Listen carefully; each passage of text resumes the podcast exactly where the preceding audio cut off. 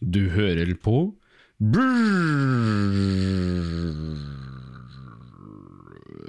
Variant. Hei sann, jeg bestemte meg for å spille inn en liten intro i forkant av den faktiske episoden, fordi når vi spilte den inn, så glemte vi helt å introdusere både oss sjøl og temaet. Så det du vil høre etterpå nå, er en samtale mellom meg, Christian og Nikolai, hvor vi prater om ei bok som jeg nylig har lest, som heter Team Topologies, som jeg likte veldig godt. Eh, den boka er skrevet av Matthew Skelton og Manuel Paish, og handler om hvordan en bør sette sammen teams på best mulig måte i en softwareorganisasjon, sånn at de kan samarbeide godt, kommunisere godt og i hele tatt skape verdi.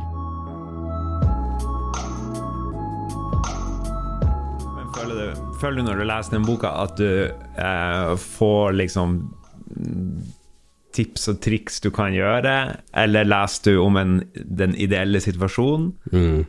eller eh, ja, liksom, jeg tenker Du kan gå 20 år tilbake og lese liksom Smidig-manifest, eller hva det heter. og så er det liksom Du kan lese det, og så kan du tenke bare ah, det er Folk tror de er smidige i dag, men de er ikke smidige, liksom. Ja, ikke sant? At, eh, at det, var ikke, det er ikke gammeldags, det er ikke utdatert 20 år etterpå. Tvert imot, det er sånn, folk har ikke klart å bli smidig på 20 år, selv om alle på en måte påstår i hvert fall at de ønsker å bli det. ja. Eller ikke skjønner hva det innebærer.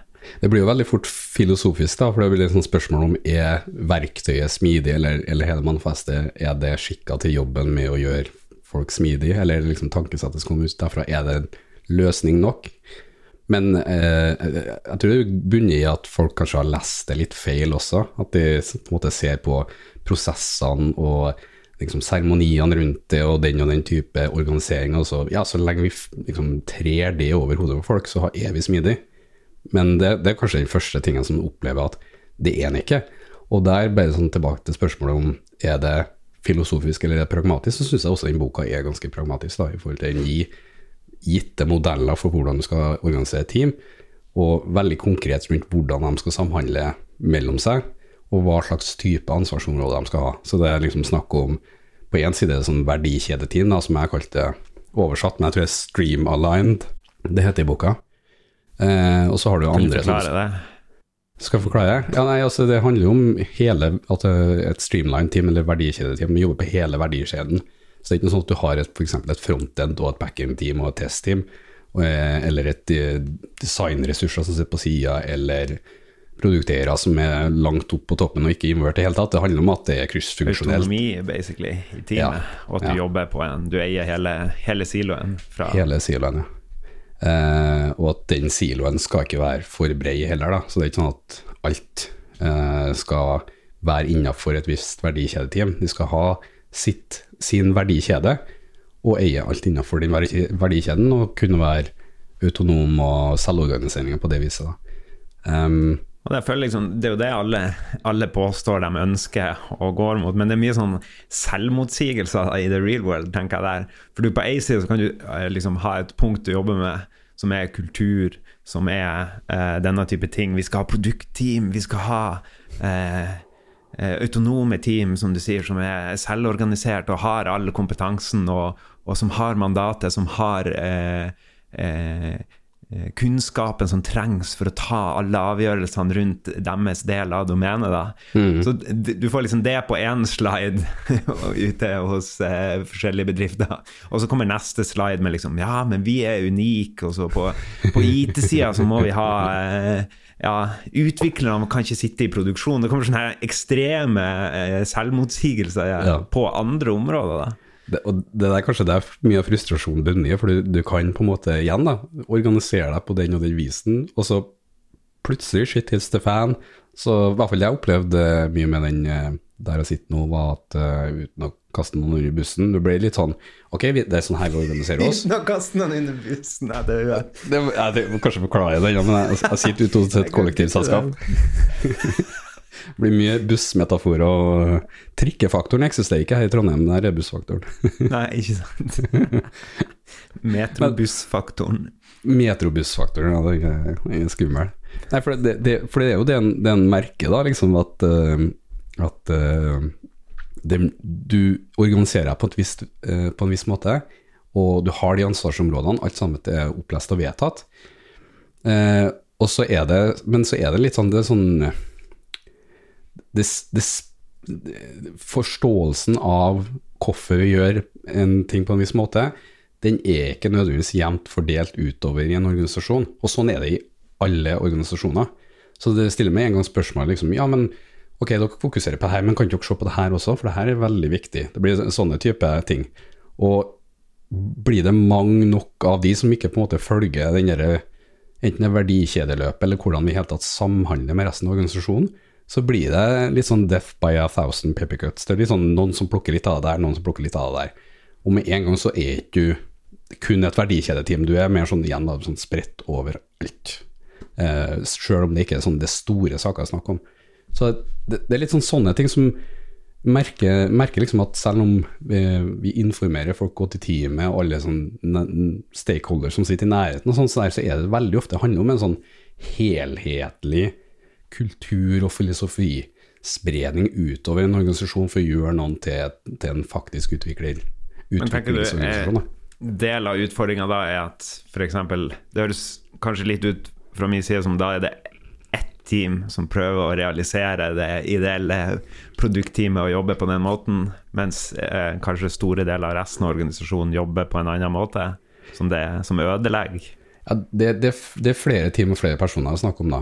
Eh, mm. Vi har også det som kalles et plattformteam fra Team Topology, som handler om at de jobber mer på infrastrukturen og en eh, underliggende plattform som er en slags leverandør for de resterende teamene. Og så er det flere produkter inne i spill, og det, det er samarbeidspartnere som ligger utafor organisasjonen også, som skal jobbe på egne ting. Så det er mange, det er mange forskjellige ting her som skal samspille. Og eh, jeg mener jo at eh, de er jo godt på vei der, så det, det er egentlig ikke et, et problem eh, i den organisasjonen med, med, at vi har begynt å innføre endringer. Det spres utover. Men eh, det jeg har merka på, og kanskje kjent litt på, kanskje det frustrasjonen også kommer litt fra, er, er, over, er over, tid. At merker at jeg har lyst til å sitte og løse utfordringer som vi har i teamet, men så må man på en måte bruke masse tid på å ikke være belærende, liksom, men liksom må spre forståelse og snakke med folk og i hele tatt gjøre organisasjonen eh, god på å samhandle med, med utviklings delen da, av organisasjonen. Ja, det eh, føler jeg at det kanskje går litt eh, det, det, høres jo nesten ut som det på en måte mangler ei eh, type smidig coach, god prosjektleder som er, er flink på, på, smidig, som kunne på en måte tatt den jobben ut da, for å drive den belæringa ellers i organisasjonen. Da. Det er jo ofte sånn som utvikler, hvis man er erfaren utvikler og kommer inn og har vært og sett en organisasjon som er rigga på den måten, så tar man litt den, den, kampen, og så blir man litt sånn i den situasjonen du, du beskrev nå, da, tenker jeg. Mm. Det, og det, det, tror jeg også altså det, sånn, det, er jo sikkert en ting som mange kjenner seg igjen i, sikkert du også. Ja, og liksom de prosjektene jeg har vært på som jeg føler har fungert aller best, det er jo de som har hatt den type plattformteam. Jeg har jo typisk vært en, en rolle eh, som har vært i det teamet, da, hvor vi på en måte passer på at alt bare er oppe og, og kjører, og ikke bare sånn infrastruktur og, og, den type ting, men også de developer experience. da, At alt er mm. tilrettelagt rundt eh, bygg og deploy og uh, continuous integration og de tingene som gjør at de på teamene faktisk kan sitte og bry seg om det du sa. da, mm. uh, Den verdikjeden på en måte de er, er satt til å, til å forbedre. da. Mm. Og alt kommer jo på en måte inn igjen tilbake til kontinuerlige leveranser. Eh, ingenting gir verdi før det er i produksjon. Eh, mm. Den type ting, da. Det er mange, veldig mange som bare glemmer at hvis du ikke starter der med å rigge deg eh, for den delen, så hjelper det ikke så mye hva man gjør ellers. på en måte. Nei, nei det, det, kanskje, og det, det, der er jo en sånn Jeg skal ikke stå syt over heller at åh, nei, nå må jeg bruke tid på andre ting enn å sitte og kode, liksom, eller, eller eh, drive og parprogrammere, eller i hele tatt uh, drive med liksom, Jeg syns jo også f.eks. konseptarbeid er kjempeartig, å jobbe sammen med designere og brukertester, syns jeg åh, det gir meg så mye glede. At jeg at, uh, liksom det kunne gjort det halvparten av tida hvis jeg hadde fått lov, men da sitter en igjen med følelsen av åh, men alt det her går på bekostning av at jeg må at jeg må sitte og, og koordinere veldig mye ellers i organisasjonen og ta den jobben, da, sånn som du bes, beskrev det, egentlig. Eh, men jeg skal ikke sitte og syte over det igjen heller, for det gir, jo, det gir jo verdi. Altså det, det, at du tar den kampen, gir verdi for hele teamet, og du må ta den kampen for å kunne rigge deg på, på et sånt vis at uh, du faktisk kan drive med kontinuerlige leveranser og, og, uh, og alt, det, alt, det, som uh, henger, henger i hop med det. Og så mener jeg også, igjen, altså, det, det, handler også om, det handler ikke kun om oss utviklere, men det handler også om å samarbeide med design, andre kryssfunksjonelle team. Eh, der jeg sitter nå, f.eks. har vi en kjempeflink tester som altså, altså Jeg syns tester er undervurdert eh, i, i, bransjen. Eh, av de flinke testerne jeg jobber med, spesielt sånne som er teknisk eh, anlagt også, så har de alltid, alltid kommet med så mye eh, gode Eh, gode problemstillinger og i hele tatt funnet bug som jeg aldri i verden ville ha funnet sjøl. Og, og, liksom samtidig ha den brukerhatten på seg og klare å, klare å sette seg inn i en situasjon for å, for å komme fram til nesten noe som er også styrende for brukeropplevelser. Så eh, det er jo mange, er mange som på en måte eh, skal settes i spill her for at hele det kontinuerlige leveranseløpet skal funke på et godt vis. Mm. Ja, absolutt. Og så er det der med det, det, situasjonen du beskriver, også litt sånn høne-egg-situasjonen, føler mange. da. Jeg mener nødvendigvis ikke at det er det, men jeg tror mange er liksom sånn På ene sida kan du bare uh, gjøre det og levere, men kanskje du ikke får til noe endring. Og på andre sida har du på en måte den uh, forankringsdelen, at du kan gå inn og ta kampen i organisasjonen for å få lovt uh, til å liksom fokusere på å rigge deg for å, å, levere kontinuerlig og bli en organisasjon med autonome team og, og hele den veien, da. Ja. Men det er jo en fin balanse her. Liksom. Du får aldri forankring fra starten av hvis ikke organisasjonen forstår eh, hvilken verdi de får. da. Fordi at du kommer med en løsning til et problem de ikke ser de har. Mm. Mens på andre sida, hvis du rigger deg for å levere kontinuerlig, og, og du blir det teamet som eh, gir mye verdi eh, veldig kort etter den eh, verdien eh, løsninga er ønska fra organisasjonen, mm. så begynner jo alle å forstå at oi, her er vi faktisk rigga til å, å reagere fort uh, på når behovene endrer seg. Mm. Det teamet, de får det til. Uh, ok, nå har hele organisasjonen ønske om at, om at det skal være overalt. Da ja, Da er det mye enklere innsalg med å få på en måte uh, ja, det, Få det opp i organisasjonen og få det spredd. Liksom at ja, ok, nå skjønner jeg hva problemet er. Problemet mitt var faktisk at jeg ikke kunne levere fort nok. Jeg visste ikke jeg hadde det problemet, men det har det teamet visst. da. Uh, så nå kan du begynne å selge inn løsninger, fordi at nå forstår man at man vil eh, ha den. Jeg, jeg, jeg, tenker også at det, det, er to ting med det som er viktig. Da. Det ene er eh, når du først har den Du får jo nesten en slags godvilje, da, eller, eller eh, den tilliten til å eh, vise at ah, ja, her kan vi faktisk levere, men det innebærer de her strukturene og rammene på en måte i hvordan vi i hele tatt kjører endringsløpet. Så, så det, det, er jo viktig tenker jeg også å spre kunnskapen der om at eh, det ikke bare hvem som helst kan komme og levere gruppa. Det må, det må skje innenfor en viss struktur, uten at den er lik for uh, alle organisasjoner. Men, uh, så tenker, men, så tenker, jeg også det andre, og kanskje det som er vanskelig, og kanskje som heller ikke har noe med utvikling eller design eller sånn i seg selv å gjøre, men det med synliggjøring av arbeidet som gjøres, det, det syns jeg er kjempevanskelig. Eh, men det er en sånn, igjen en sånn ting som du må fokusere litt på for i hele tatt klare å få den tilliten, og kanskje også bli, få hele organisasjonen med på løpet. Da, at eh, du må vise arbeidet, du må vise til arbeidet. Du må um, i hele tatt klare å bare synliggjøre det innad i organisasjonen, men også kanskje mm. utad for å uh, vise at her skjer det ting, og, og se hva vi kan få til hvis vi bare gjør det innenfor eh, gode rammer. og det er, så, det er så godt poeng, for det er jo veldig vanlig for eksempel, å ha en demo hver andre uke. Uansett hvor lite smidig man er, så er faktisk demo et veldig etablert eh, eh konsept da, ute mm. i, i, markedet.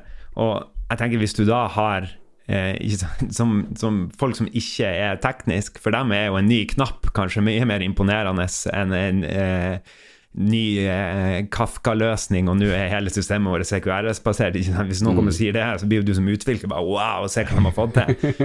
Mens den ikke-teknisk personen er ute etter, er jo den nye knappen, som kanskje var ti minutter arbeid. Men hvis du er i en rigg hvor det tar eh, fire timer å, å, få det ut i produksjon, og masse manuell eh, verifisering etterpå, ikke sant? Mm. Da, men hvis du er rigga som vi er inne på tidligere, hvis du er rigga fra starten av til det, og kan komme du kan være det teamet som foreslår demo, og du er det teamet som kommer hver annenhver uke med masse småting, da, som for de ikke-tekniske er veldig imponerende. Men da får du fram poenget. liksom. Se hvor fort vi kan levere de små tingene og få det ut av veien. Få det ut til brukerne sånn at det gir verdi.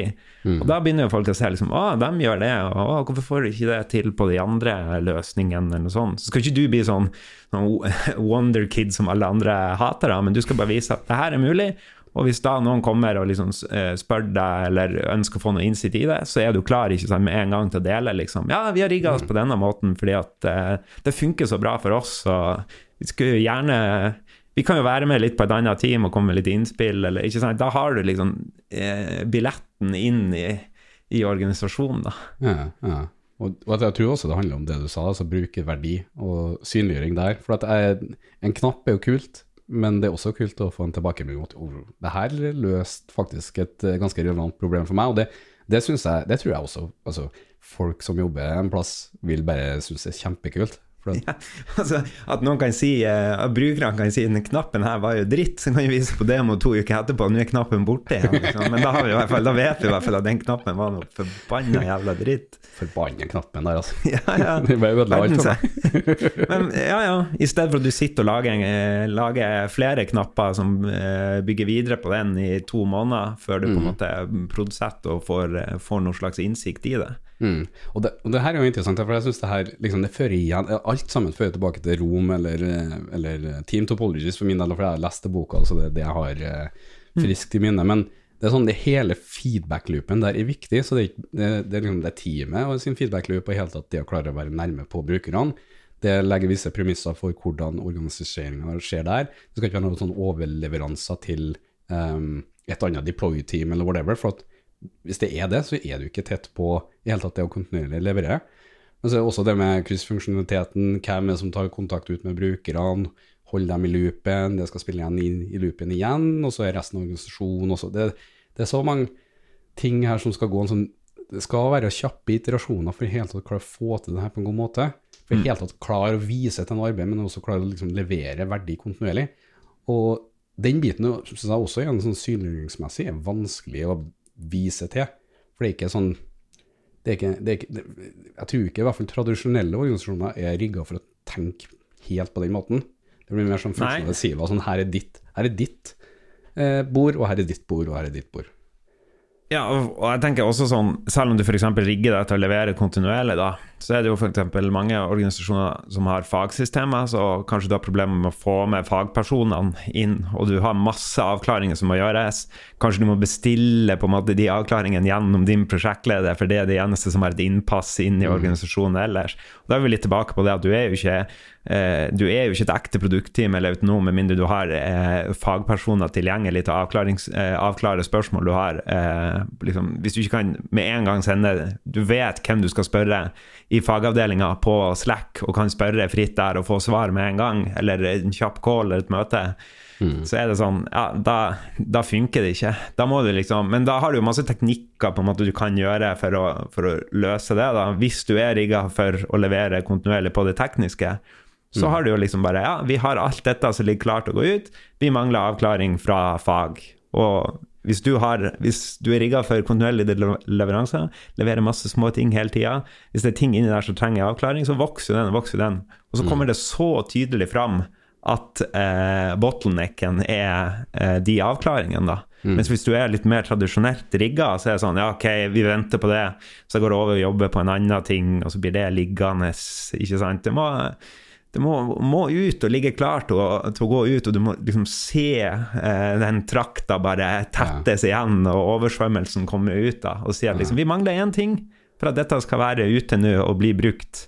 Det er avklaring fra, fra fagpersonene, f.eks. Det er litt artig, da, for det, det, høres jo nesten ut som shaming, men det er jo ikke det. Det er en mer sånn realistisk eh, framvisning av hvor ja, For det er jo ikke, det er jo ikke fagpersonenes skyld. ikke sant? Nei, du synliggjør jo bare et problem i, i, denne pipeline for å levere kontinuerlig. Og Det, det som jeg syns også er fascinerende, er for at veldig ofte når du ser på sånne organisasjonskart, er jo et visst hierarki som eksisterer der, og så går det liksom fra, helt sikkert fra CEO eller fra styret over der igjen, nedover til liksom de enkeltpersonene, enkeltteamene, enkeltavdelingene som helt tatt jobber på ting. Og da er det veldig ofte delt opp i, i fag eller i siloer der. Men hvis du tenker litt over liksom, ok, når du skal løse et problem i hverdagen din, hvem er det du må prate med for i hele tatt kun eh, skape verdi, så er det jo veldig ofte at organisasjonskartet er bare kast. Det, jo, det, det reflekterer ikke helt tatt hvordan folk faktisk prater sammen for å løse problem. Så det, det, så det syns jeg er litt sånn fascinerende. Liksom at eh, det er ikke noe god synliggjøring i arbeidshverdagen hvem som må samhandle for å kunne løse problem, annet enn liksom at det er sånn nesten sånn know-how i bakhodet til folk. Sånn, ja, hun, hun, må jeg prate med, for hun kan veldig mye om akkurat ja, eksempelvis det faget. da. Og, og da tror jeg også den synliggjøringa overfor resten av organisasjonen blir forvanska litt. Så jeg syns det var litt sånn interessant den taktikken du snakka om, med å synliggjøre det. liksom at det her er flaske, de spesifikke flaskehalsene som blokkeres nå Eh, fordi at eh, ditten og datten, og derfor kan vi ikke levere denne veldig konkrete tingen. Mm. For det der, der er jeg litt med. Hvordan synliggjør du det? Men da er det liksom en, da en annen ting som typisk er igjen, Hvis du leverer kontinuerlig i en organisasjon som måtte ikke er rigga for det, fordi du er i denne fasen at du skal, du skal være med og få til endringer og, og å bevise det, så er det typisk også sånn å, nå går det veldig mye ut i produksjon som eh, kun teamet har kontroll på. Fagpersoner har ikke kontroll på har vi testa det som går ut nå. Det er en tillitsting, da. Mm. Og det er jo du som team kanskje jeg syns det er en legit eh, bekymring. da, for Det betyr at de ikke har eierskap til det som går ut. da, så Hvordan kan man skape det? Ofte prøver de å skape det sjøl med å si nei, vi skal ha et change advisory board, eller vi skal bestemme når det er deploy. Men da er det, ikke, det er akkurat samme taktikken. Uh, det vi gjorde i et, et, annet prosjekt jeg var på, var at vi bare lagde en changelog. Så sa vi ok, her er det, her er det som ligger i, i QA-miljøet rett før produksjon, og venter på å gå ut. Uh, den, den, var uh, dynamisk, så den, hver gang vi pusha til Vi kjørte en pull request inn på main på en ny feature, og så ja, ruller det ut, så blir det automatiske tester, og så kommer det ut i kua.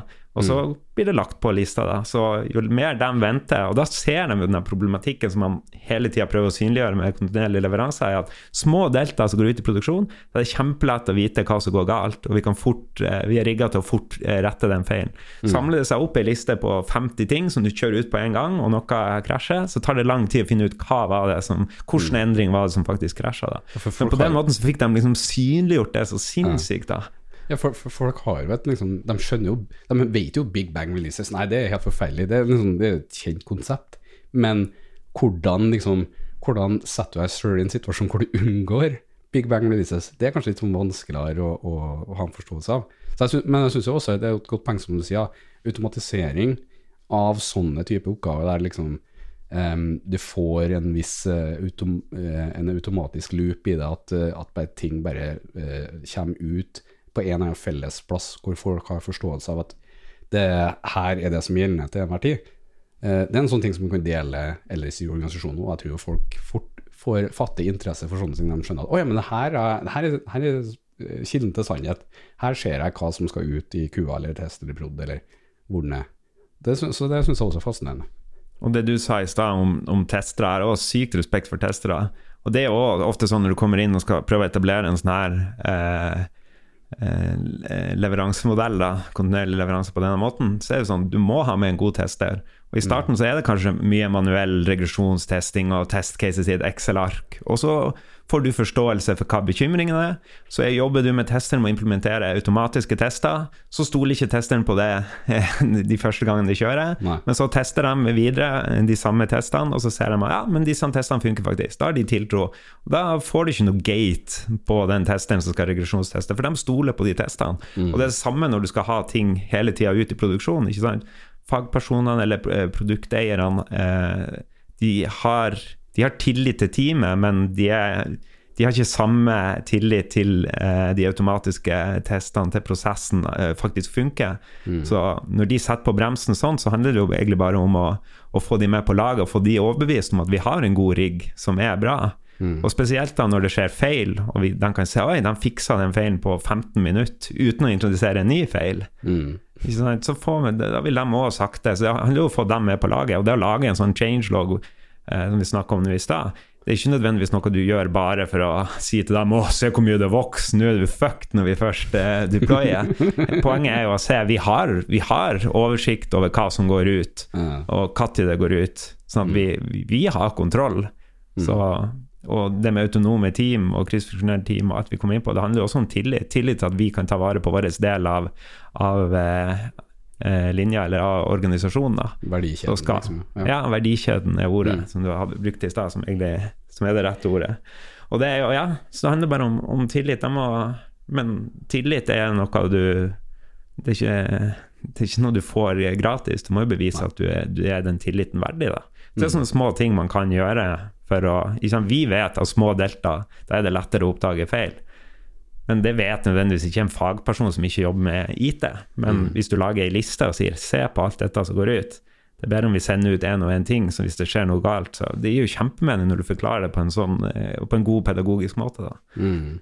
Og, og liksom, jeg, jeg tror også da at eh, det jeg har merka gjennom karrieren, liksom, er at det handler om sånne ting. Det handler om liksom, tillitsbygging og kultur, og egentlig, egentlig alt jeg har nevnt.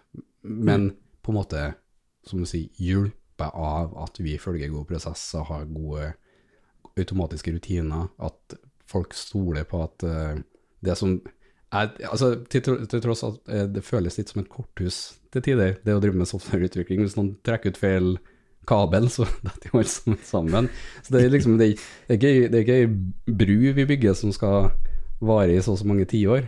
Eh, det, det er ganske, det føles litt skjørt da, men med eh, liksom oppbygd av flinke personer og, og god organisering og god automatikk, så eh, vil det jo kjøre fint.